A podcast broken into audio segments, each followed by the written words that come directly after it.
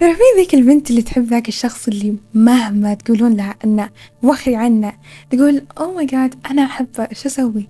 تعرفينها صح؟ okay.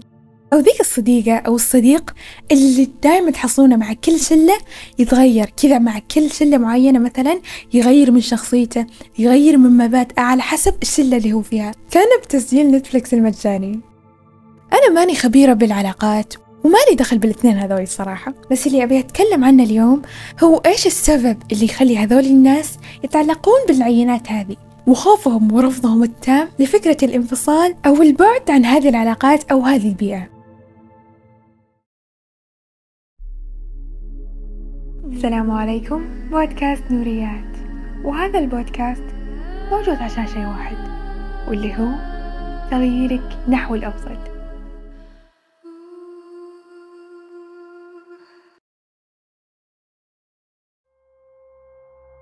كثير من الناس وأنا أعلي الكثير فعلا يعانون من المشكلة هذه وهي الخوف من الوحدة أو الهجر بشكل عام.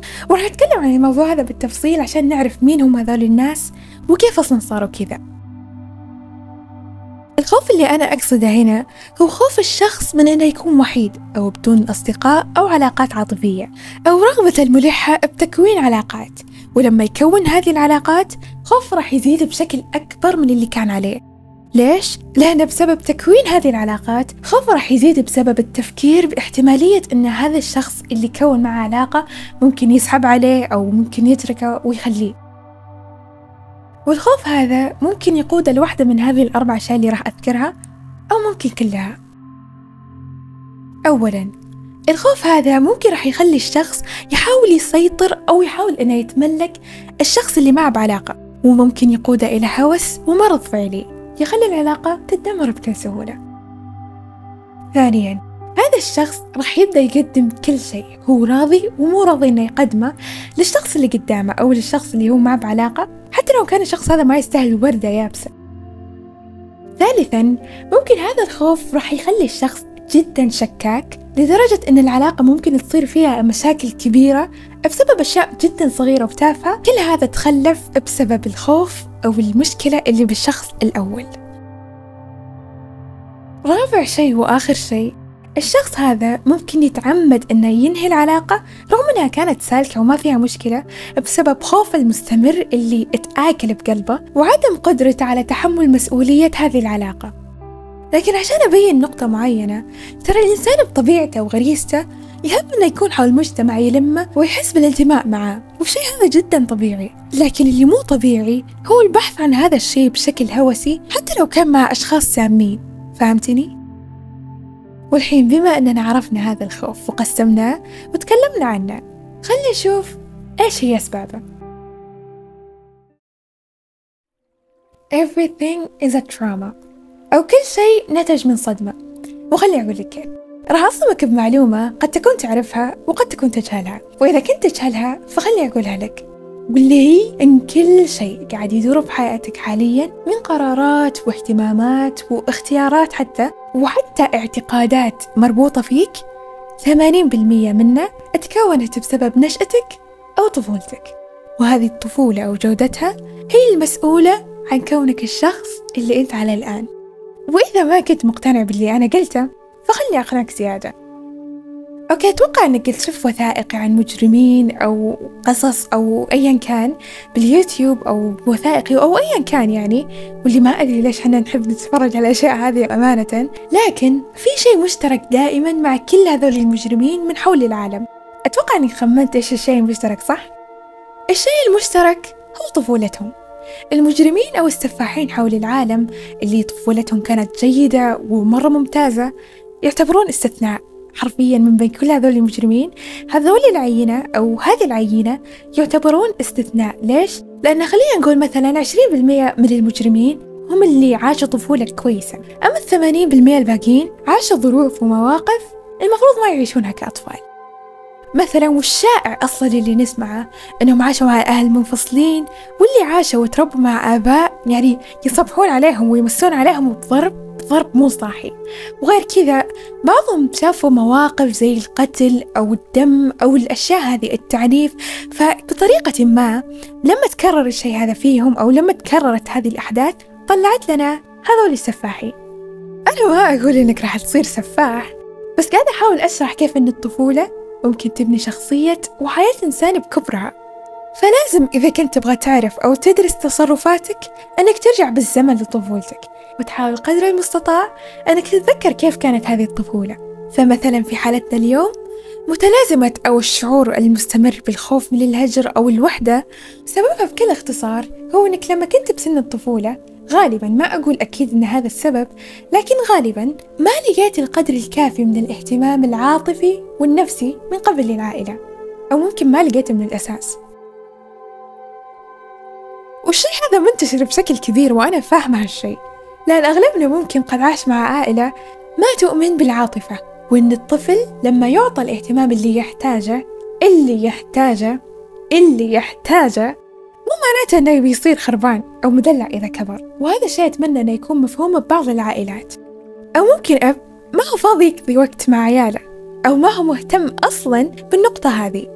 باعتقاده أن الأب لازم يكون صارم وهو رجال البيت وما يبين عواطف قدام عياله أو حتى لهم. أو ممكن أم مو مسؤولة بأمانتها. أتمنى أنك تبحث أكثر بنفسك عن موضوع صدمات الطفولة أو مرحلة الطفولة بشكل عام وكيف هي السبب الرئيسي بتكوين شخصيتك وقراراتك وكثير أشياء ثانية.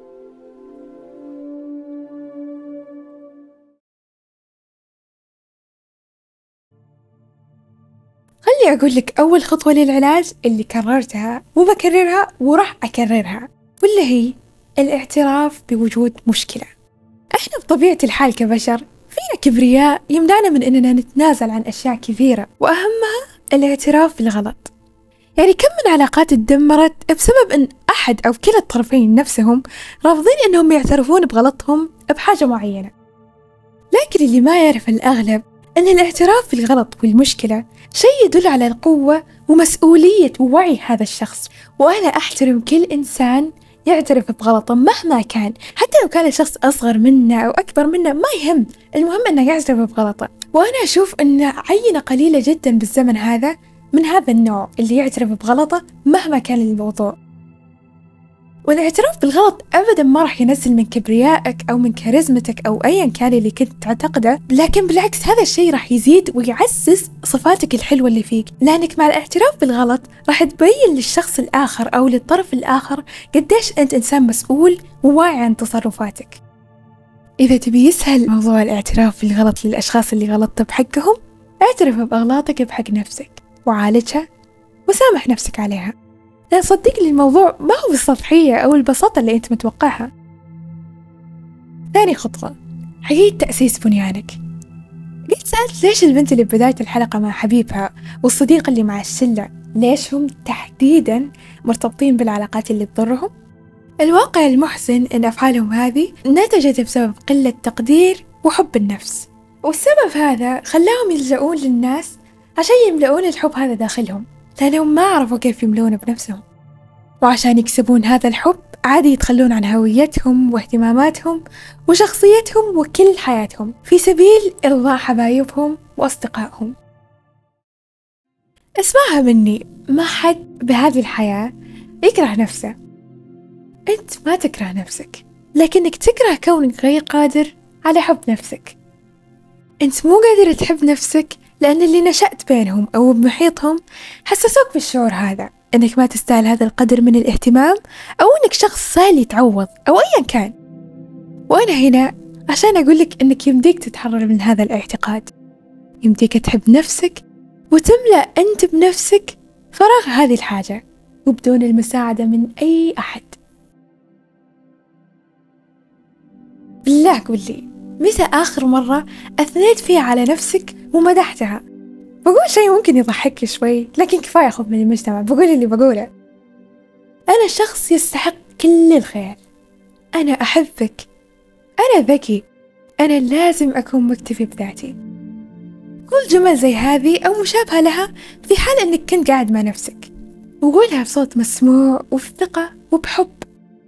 وكمان سجل الكلمات الإيجابية لنفسك وغلها بجوالك عشان تسمعها قبل النوم وبأي وقت تحس فيه إنك محتاج تسمع هذا الكلام. عشان أول شيء أنت مو قاعد تكذب على نفسك.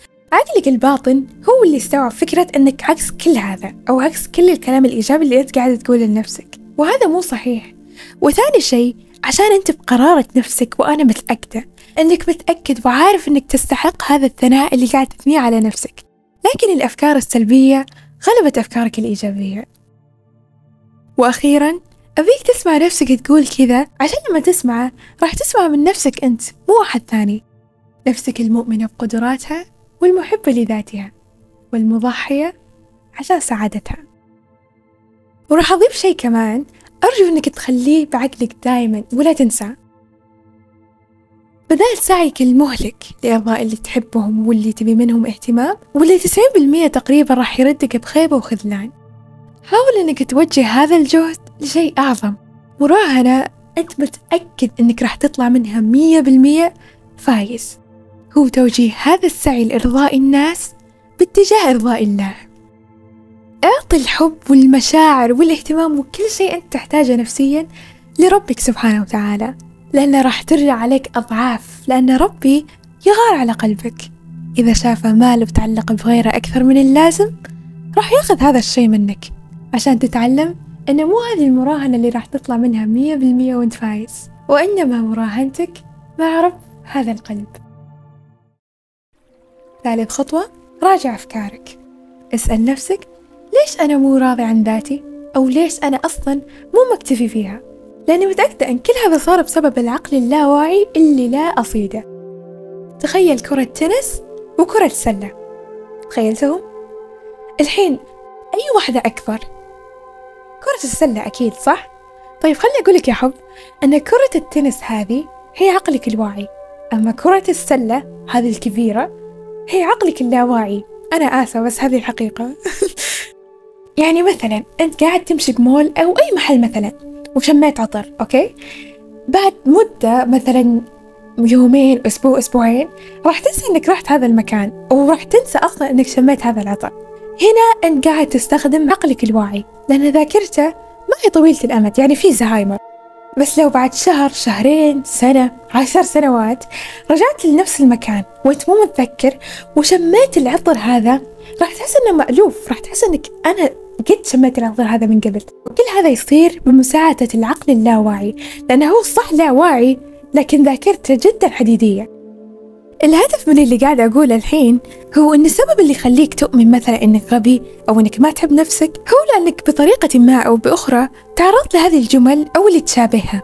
إما عن طريقك أنت نفسك إيه عن طريقك أنت نفسك أو عن طريق أشخاص كرروا عليك مثل هذه الجمل. أنت بعقلك الواعي عارف إن كلامهم مو صح وأنت عارف إنك مو غبي لكن العقل الواعي حرفيا ما هو واعي عشان يستوعب هذا الكلام. هو ياخذ أي كلمة أو أي جملة يستوعبها ويخليها واقع أنت تمشي فيه. ما يدري إيش الغلط وإيش الصح. إذا أنت أقنعته أنك فرحان فراح يخليك فرحان. حتى لو ما كنت فرحان أنت من الأساس. وإذا أنت أقنعته أنك زعلان راح يخليك زعلان. حتى لو ما كنت زعلان من الأساس. تقول لي كيف؟ بقول لك عن طريق مثلا أنك تخالط ناس كئيبة تتفرج على مقاطع كئيبة تتكلم بكلام كئيب طول الوقت عقلك اللاواعي بما أن الأشياء هذه قاعدة تتكرر عليه راح يؤمن فيها لأنه هو ما هو واعي فهو راح يحسب أنك أنت بهذا الشيء فعلا حتى لو أنت ما تبيه هو موجود عشان يلبي اللي يتلقاه وبس. Understand؟ الخطوة الرابعة والأخيرة اعرف قيمتك. لما قال الله سبحانه وتعالى للملائكة إني خالق بشرا من طين. الملائكة تعجبت وقالت أتجعل فيها من يفسد فيها ويسفك الدماء ونحن نسبح بحمدك ونقدس لك؟ يعني الملائكة قاعدة تسأل يا رب إحنا كملائكة موجودين وما عصيناك ولا رح نعصيك. وإذا على العبادة فإحنا نعبدك حق عبادتك وننفذ كل اللي تأمر فيه رد الله سبحانه وتعالى عليهم إني أعلم ما لا تعلمون. وبعدها ربي خلق آدم وعلم آدم يشيل الأنهار والبحار والنار والأشجار. وكل ما خلق الله سبحانه وتعالى ولما سأل الملائكة عن أسماء هذه الأشياء قالوا الملائكة بكل إحسان سبحانك لا علم لنا إلا ما علمتنا. العلم اللي يخلينا على ما نحن عليه الحين ملائكة. وبعدها قال سبحانه وتعالى لآدم كلهم عن أسماء هذه الأشياء. وفعلا علمهم بكل هذه الأشياء. وختمها الله سبحانه وتعالى بألم أقل لكم إني أعلم غيب السماوات والأرض وأعلم ما تبدون وما كنتم تكتمون. اللي ودي أوصل الحين صحيح أن ربي خلق بني آدم عشان العبادة وباقي المخلوقات لكن السبب الآخر والمثير للتفكر هو ميزتنا. قدرتنا وطريقتنا. ربي خلقنا أن على علم بأننا إحدى مخلوقاته المميزة اللي تتفرد بكثير من الأشياء وأهمها هي أننا مخلوقات مخيرة. نقدر نسوي الخير ونقدر نسوي الشر بكامل إرادتنا الحرة. ما جاء ببالك كذا يوم وتفكرت بكم من نعمة وكم من ثناء أثناه الله علينا إحنا البشر؟ ولقد كرمنا بني آدم وحملناهم في البر والبحر. ومن أحياها فكأنما أحيا الناس جميعا. وغيرها كثير من الآيات والنعم اللي يعطيها لنا الله سبحانه وتعالى. لأن ثمنك عند الله كبني آدم أبدا ما هو بخس أو رخيص يعني. لو جبت رجل كهف مثلا وحطيته بأي مدينة من مدن العالم بوقتنا هذا راح يحسب أن هذا شيء من الخيال أو ما راح يصدق اللي يشوفه. بس أنا ما أبيك تفتخر ببشريتك من خلال العلماء ولا المخترعين أو العظماء. أبيك تفتخر بنفسك كونك أنت وكونك شخص يسعى أنه يصير أفضل بإرادة الحرة اللي أعطاها يا رب العالمين. والأهم أن اللي أقر بمميزاتك وشاهد عليها مو الناس اللي قاعدة تدور رضاهم واهتمامهم لكن رب هذول الناس. السبب اللي يخليك ما تحب نفسك اليوم هو راح يكون نفس السبب بكرة. لا تقول لي ظروف لا تقول لي أنا سويت وأنا فعلت وأنا كذا وأنا كذا أو أنا ما أقدر أحب نفسي بالقدر الكافي أو أنا ما أقدر أسامح نفسي. إذا على الذنب والماضي فعمر بن الخطاب رضي الله عنه قبل إسلامه كان من أوائل الناس اللي يخطط لقتل الرسول صلى الله عليه وسلم. وبعدها إيش صار؟ صار من أقرب أصحابه. افتح صفحة جديدة وسامح نفسك الماضية والحاضرة وحتى المستقبلية. الموضوع كله هو بكيف أنت طريقة تفكيرك؟ أنا كنت رغم علاقاتي وحياتي اللي توقعت إنها مرة بيرفكت وما في غيرها الحب والاكتفاء الذاتي وقتها كانوا بالسالب حرفيا. الحين علاقاتي ومعارفي ينعدون بالأصبع الواحد حتى مو باليد الواحدة. لكني قاعدة أعيش أحلى أيامي. ما صار شيء خارج عن المألوف ولا لقيت اللي أتمناه من سنين. لكن اللي صار أن طريقة تفكيري ونظرتي للأشياء تغيرت في هذه البساطة. ولو كنت الآن أعيش بعقلية نور اللي قبل سنتين أو ثلاث فأنا ممكن أكون عايشة أسوأ أيام حياتي. قدر الأشياء الصغيرة اللي تسويها الرسائل الإلهية اللي تجيك المواقف البسيطة اللي تكون يعني حتى ما حد يفكر فيها. وصدقني راح تكون شخص يملك الدنيا وما فيها. كون best friend نفسك لأن وقتها سواء كنت لحالك أو مع أي أحد ما راح تفرق معك ما راح تفرق معك. لأنك بكل مرة تكون فيها وحدك بعدها بتكون لك فرصة تتعرف فيها على نفسك أكثر وتعالجها من الترومات والمشاكل بتكون أسعد من أي وقت ثاني. عادي إنك تكون سلبي لفترة من فترات حياتك. الفترة قصيرة أوكي؟ عادي إنك تستسلم أحيانا. عادي إنك ما تضبط الشغلة من أول مرة. عادي إنك تكون مجرد شخص عادي. بس اللي مو عادي إنك تقتنع أن هذا هو قدرك بالحياة. وما تحاول إنك تغير من نفسك ومعتقداتك للأفضل. وقف على رجلك واسعى كل يوم إنك تكون أحسن من اللي كنت عليه أمس. إن شاء الله أكون نورتك بواحدة من نورياتي. وصدقني إذا ما كان في نور اليوم راح يكون في نور بكرة. في أمان الله.